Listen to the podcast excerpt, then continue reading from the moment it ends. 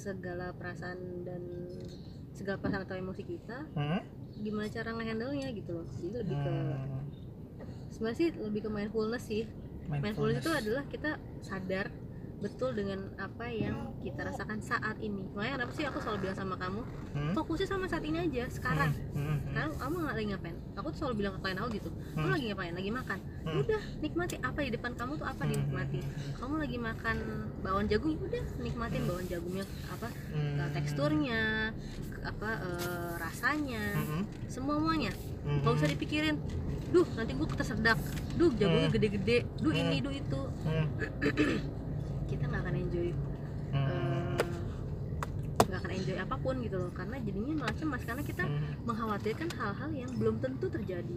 Hmm, nah orang-orang itu sering kali seperti itu. Hmm. mengkhawatirkan hal-hal yang sebenarnya belum tentu terjadi.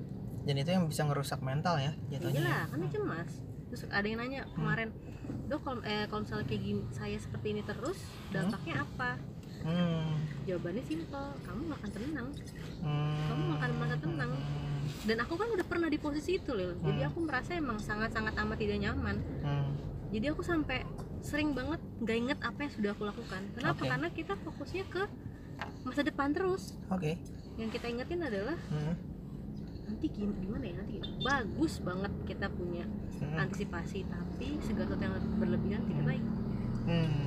begitu itu berarti rata-rata orang begitu ya sayang ya? Hmm. Kebanyakan kita di dunia itu eh, apa cuma orang Indonesia aja tuh yang kayak yang kayak begitu tuh. Maksudnya eh, selalu hidup tuh kayak nggak nggak saat ini dan di sini gitu. Kayaknya enggak deh. Semua semua semua orang semua orang ya. Maksudnya semua orang punya peluang itu. Terus gimana caranya bisa buat kita apa namanya eh, biar nggak ini nggak terlalu mikirin? Yang tadi aku bilang fokus sama yang sedang kita jalani saat ini aja. Hmm, misalnya yang yang tadi aku bilang soal lagi makan ya udah nikmatin yang Hmm. saat ini yang kita lakukan lagi makan ya mak fokus ke makannya aja nggak usah mikirin kadang nggak kadang sih kebanyakan orang tuh lagi yang pernah aku share ke kamu itu loh Hmm. soal multitasking gitu Iya. lagi makan sambil main handphone hmm, atau lagi makan eh, nonton TV atau ngobrol Hmm. gitu jadinya ya sebenarnya dari hal kecil sih Hmm. dari hal sederhana yang sebenarnya kita bisa lakukan tapi sering kali nggak kita lakukan jadinya ya begitu sudah terbiasa seperti Nah, itu ya. Jadi karena sudah terbiasa, jadi orang mikir apa rata-rata tuh, ah udahlah bia- biasa kok kayak gini. Gue nggak nggak ada masalah kok. Gue nggak ada apa namanya, nggak ada isu kok soal kesehatan mental kok. Waduh, waduh, waduh, waduh, waduh, goyang-goyang Wah, jalannya lagi gerujal-gerujal nih. goyang-goyang. Oh gitu, oke. Oh iya, by the way saya, aku sekalian ngerekam ya ini. sial aku agak-agak menduga ya sih karena kamu tiba-tiba nanya Iya dong. Ini nih soalnya ini nih perkenalkan ini Ibu Laura Jane. halo Halo. Terus di samping kiri ada Ara ada Ara, ada Ana. Anak-anak gue. Kita lagi hari Minggu lagi jalan-jalan. Nih mau ketemu sama Mbah Uyutnya. Jadi sekalian aja deh kita bikin podcast rame-rame. Ini podcast ke tiga di celotehan gue yang udah gue bilang di podcast kedua gue ini tentang apa sih nih eh, podcast ini ya apa aja nggak di pikiran gue ya gue ceritain aja nah ini gue lagi pikiran soal kesehatan mental karena kebetulan istri gue ibu Laura Jen ini seorang psikolog jadi makanya kenapa tadi dibuka dengan kita ngobrolin mengenai kesehatan mental ya nggak bu. Terus balik lagi ke soal kesehatan mental. Berarti banyak orang ya yang nggak terlalu aware sama kesehatan mental. Itu kenapa sih? Apa karena mereka takut dicap ih kok gila gitu atau gimana sih gitu?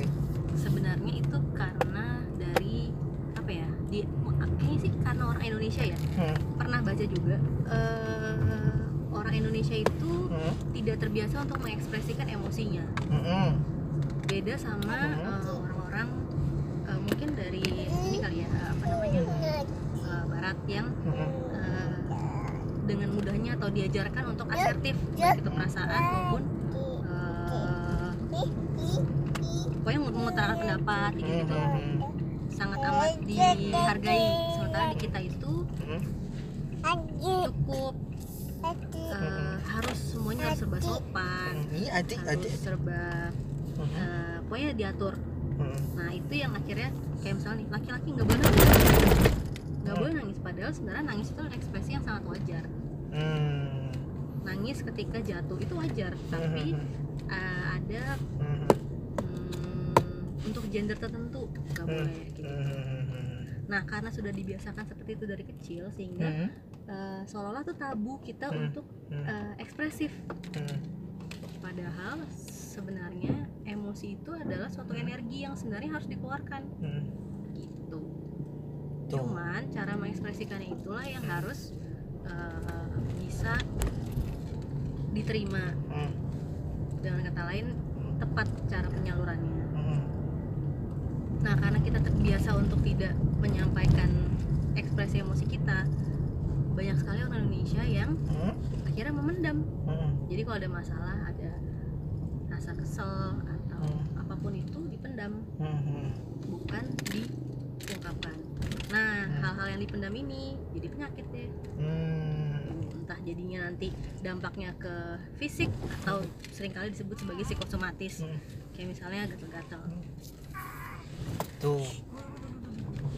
kenapa Nah, banyak tuh. Ya kan jadinya kan ketahuan tuh apa aja. Dan kita sebagai orang Indonesia tuh jarang banget tuh aware soal kayak begitu-begituan. kamu sangat berguncang Aduh, aduh, aduh, aduh. Kita Lagi lagi, off-road. kita lagi off road nih ceritanya nih. Karena emang jalanannya jelek.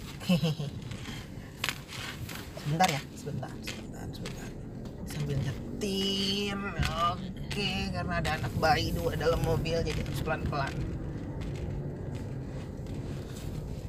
Siap. Oke, sebenarnya nggak hanya ke psikosomatis juga sih Hmm, dampaknya kalau kita memendam emosi. Hmm, jadinya ya eh, emosi kita akhirnya Hmm. jadi ibaratnya gini deh hmm, gelas yang diisi hmm, terus menerus hmm, akan luber kan? Hmm, nah ibarat kata emosi kita juga kayak gitu. Kita hmm, pendem terus terus terus lama-lama bisa meledak ya kita jadi jadi orang yang tukang marah-marah misalnya hmm, atau jadi mudah tersinggung hmm, atau eh, tiba-tiba nangis gitu Hmm. aja kayak gitu jadi lebih ke labil hmm. karena dia nggak bisa mengontrol emosinya Nah, berarti istilahnya kan hal kayak gitu kan eh, erat kaitannya sama kehidupan sehari-hari ya sayang ya. Maksudnya kita tuh sering banget ngalamin kayak begitu. Misalkan emosi yang dipendem terus eh, susah untuk mengutarakan sesuatu segala macem. Nah, berarti kategori gangguan mental itu nggak yang orang gila doang dong berarti ya? Maksudnya eh, yang bukan yang langsung udah masuk rumah sakit jiwa atau langsung berobat ke ya psikiater atau psikolog enggak juga kan misalnya eh, kayak tadi itu merupakan apa ya bisa dibilang apa gangguan kah atau gimana lebih ke ya agak-agak terganggu sedikit lah terganggu Jadi, sedikit mm-mm. karena kan eh, ya kayak misalnya kita stres di tempat kerja itu juga sebenarnya Hmm, salah satu bentuk eh, gangguan kan? Karena yang Hmm. tadinya kita misalnya nih kita stres kerja yang Hmm. tadi kita bisa perform well di kantor hmm, hmm, tapi karena kita misalnya Hmm. di kantor itu ada teman yang eh, atau bos deh atau Hmm. bos yang terlalu eh, mendikte atau apa sehingga membuat kita tidak nyaman. Hmm, akhirnya performa kita menurun. Berarti kan terganggu dong. Hmm, pokoknya intinya gangguan mental itu adalah segala sesuatu yang hmm, eh, cirinya gitu kalau eh, kehidupan kita terganggu Hmm. dalam arti misalnya kita jadi nggak bisa bekerja hmm, nggak bisa sekolah nggak bisa Hmm. bersosialisasi nah Hmm. itu sudah termasuk kategori mengganggu atau terganggu hmm, kesehatan mentalnya hmm, tapi sel- selama enggak ya hmm. enggak mungkin kadarnya belum sampai terganggu oh oke oke oke oke oke berarti ada ada ad- istilahnya ada levelnya ya yang Mm-mm. biasa aja yang apa menengah atau gimana gitu kan berarti ya ya gitulah. Buat yang dengerin podcast ini kita juga jangan anggap remeh kalau cuma apa ya kadang kita mikir ah lah begini doang. Nggak apa nggak usah baperan lah nggak usah inilah nggak usah ini. Bukan bukan bukan baperan sih sebenarnya. Gimana kita ngolah stres itu ya Iya, sayang ya gimana kita ngolah apa namanya emosi segala macem. Nah kira-kira eh, misalnya nih misalnya misalnya kita, apa kita sudah punya yang kita nilai aduh udah sangat mengganggu nih apa kayak kayak aku dulu pernah cerita sama kamu juga dan juga di podcast yang pertama gue juga ceritain soal overthinking gue yang yang bikin gue jadi apa namanya ketakutan sangat apa segala macem. Nah akhirnya gue ke psikolog gitu. Nah eh, menurut kamu tuh ke psikolog tuh udah berarti gila bukan sih? Ya enggak lah. Nah, sebenarnya gini eh yang tadi itu dia ketika orang itu seseorang merasa dirinya Hmm. eh, ada sesuatu yang tidak beres dalam Hmm. dirinya dalam arti emosinya. Hmm. mungkin terkait dengan emosinya atau cara berpikirnya hmm, atau mungkin dari perilakunya berarti Hmm. orang itu sudah punya eh, nilai lebih. Kenapa? Karena dia sudah sadar.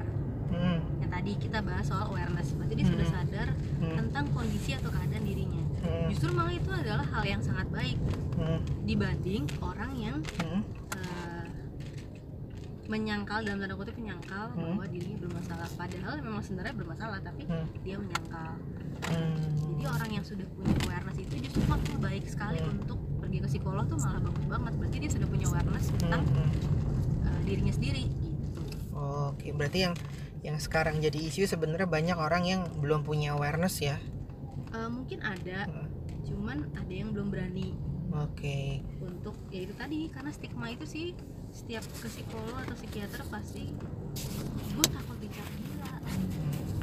Nah, nih kalau dari kamu gimana nih sayang? Sebagai seorang psikolog istilahnya buat ngajak eh, teman-teman nih atau yang dengerin deh pokoknya.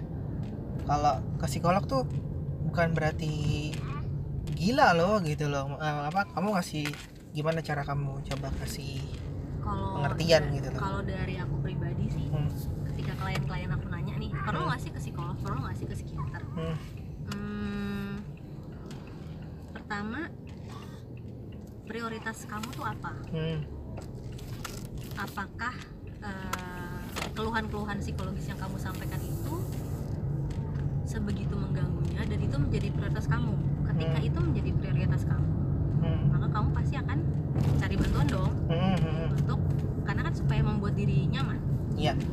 jadi pasti akan cari bantuan hmm, tapi hmm, eh, ketika prioritasnya hmm, prioritas kamu itu adalah pendapat orang hmm. ya susah juga Hmm, gimana nih maksudnya?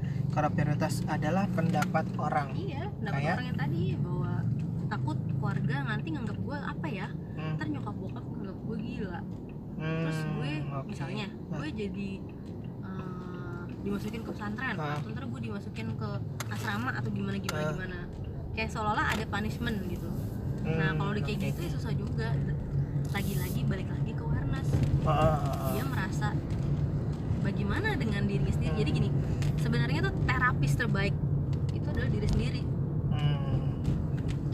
psikolog hmm, itu hanya sebagai pendamping. Hmm, karena tanpa uh, awareness tanpa niat Hmm. dari si klien itu sendiri hmm, untuk menjadi lebih baik ya hmm, susah.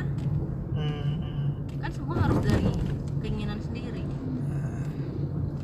Oke, tuh berarti ya eh, sebenarnya semua bermula dari awareness kita dan niat kita, gitu. Saat niat kita untuk memperbaiki dalam bukan perbaiki ya istilahnya menyelaraskan mental kita untuk kita agar lebih baik, jadi ya why not? Ke profesional, ke psikolog gitu. Dan nggak selalu dibilang kalau ke psikolog itu gila gitu. No bukan. Bukan orang gila aja yang butuh bantuan psikolog gitu. Karena apa namanya stres atau apa pun nih kita bisa ke psikolog gitu kok.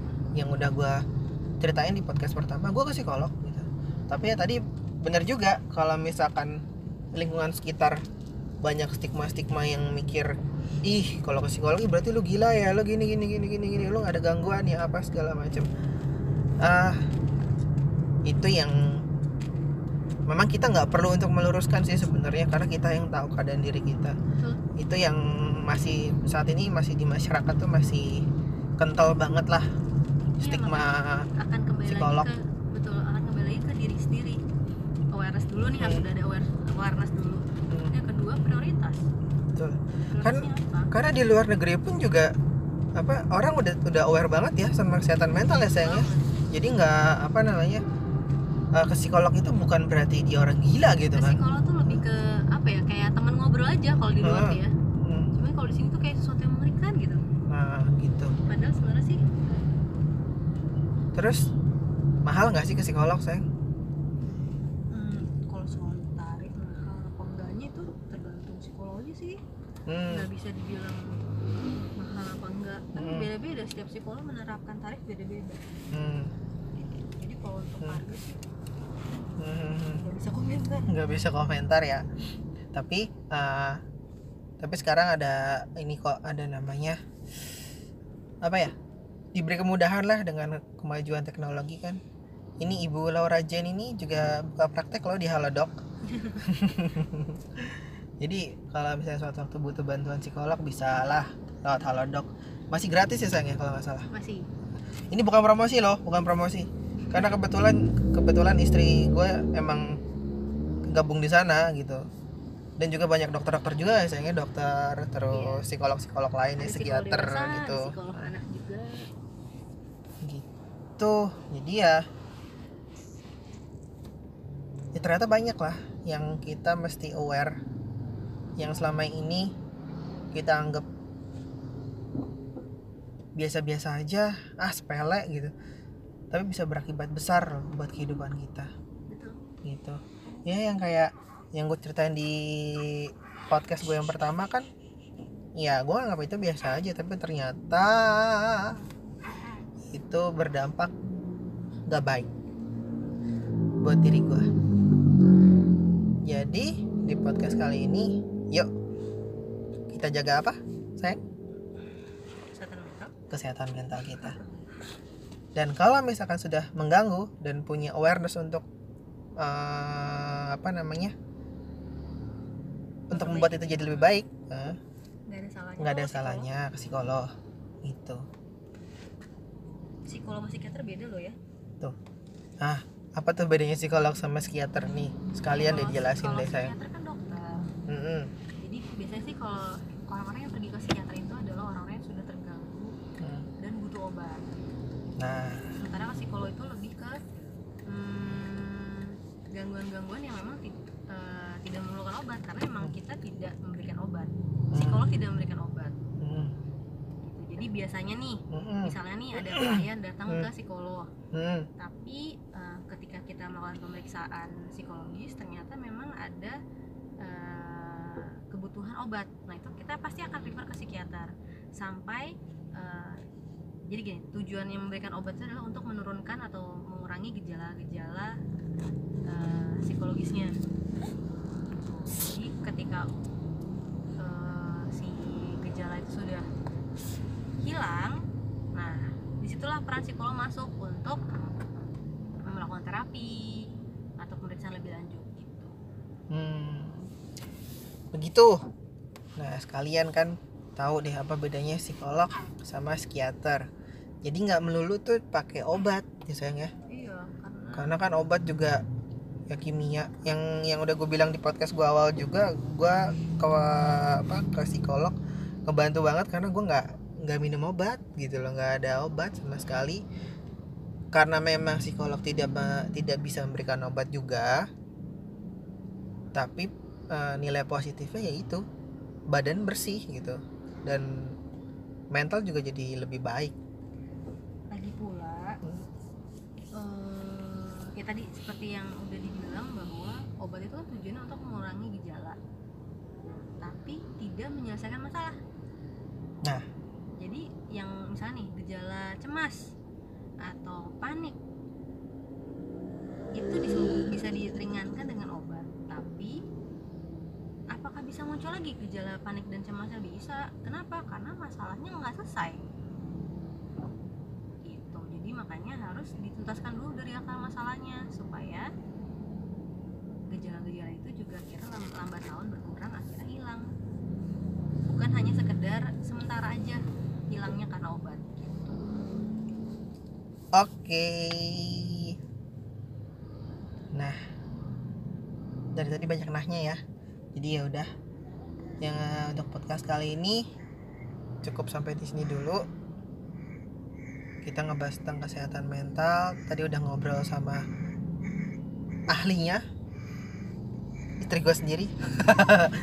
Seorang psikolog. Eh, jadi semoga bermanfaat podcast kali ini dan iya kalau bisa subscribe subscribe ya. Oke. Thank you. Dadah. Bye.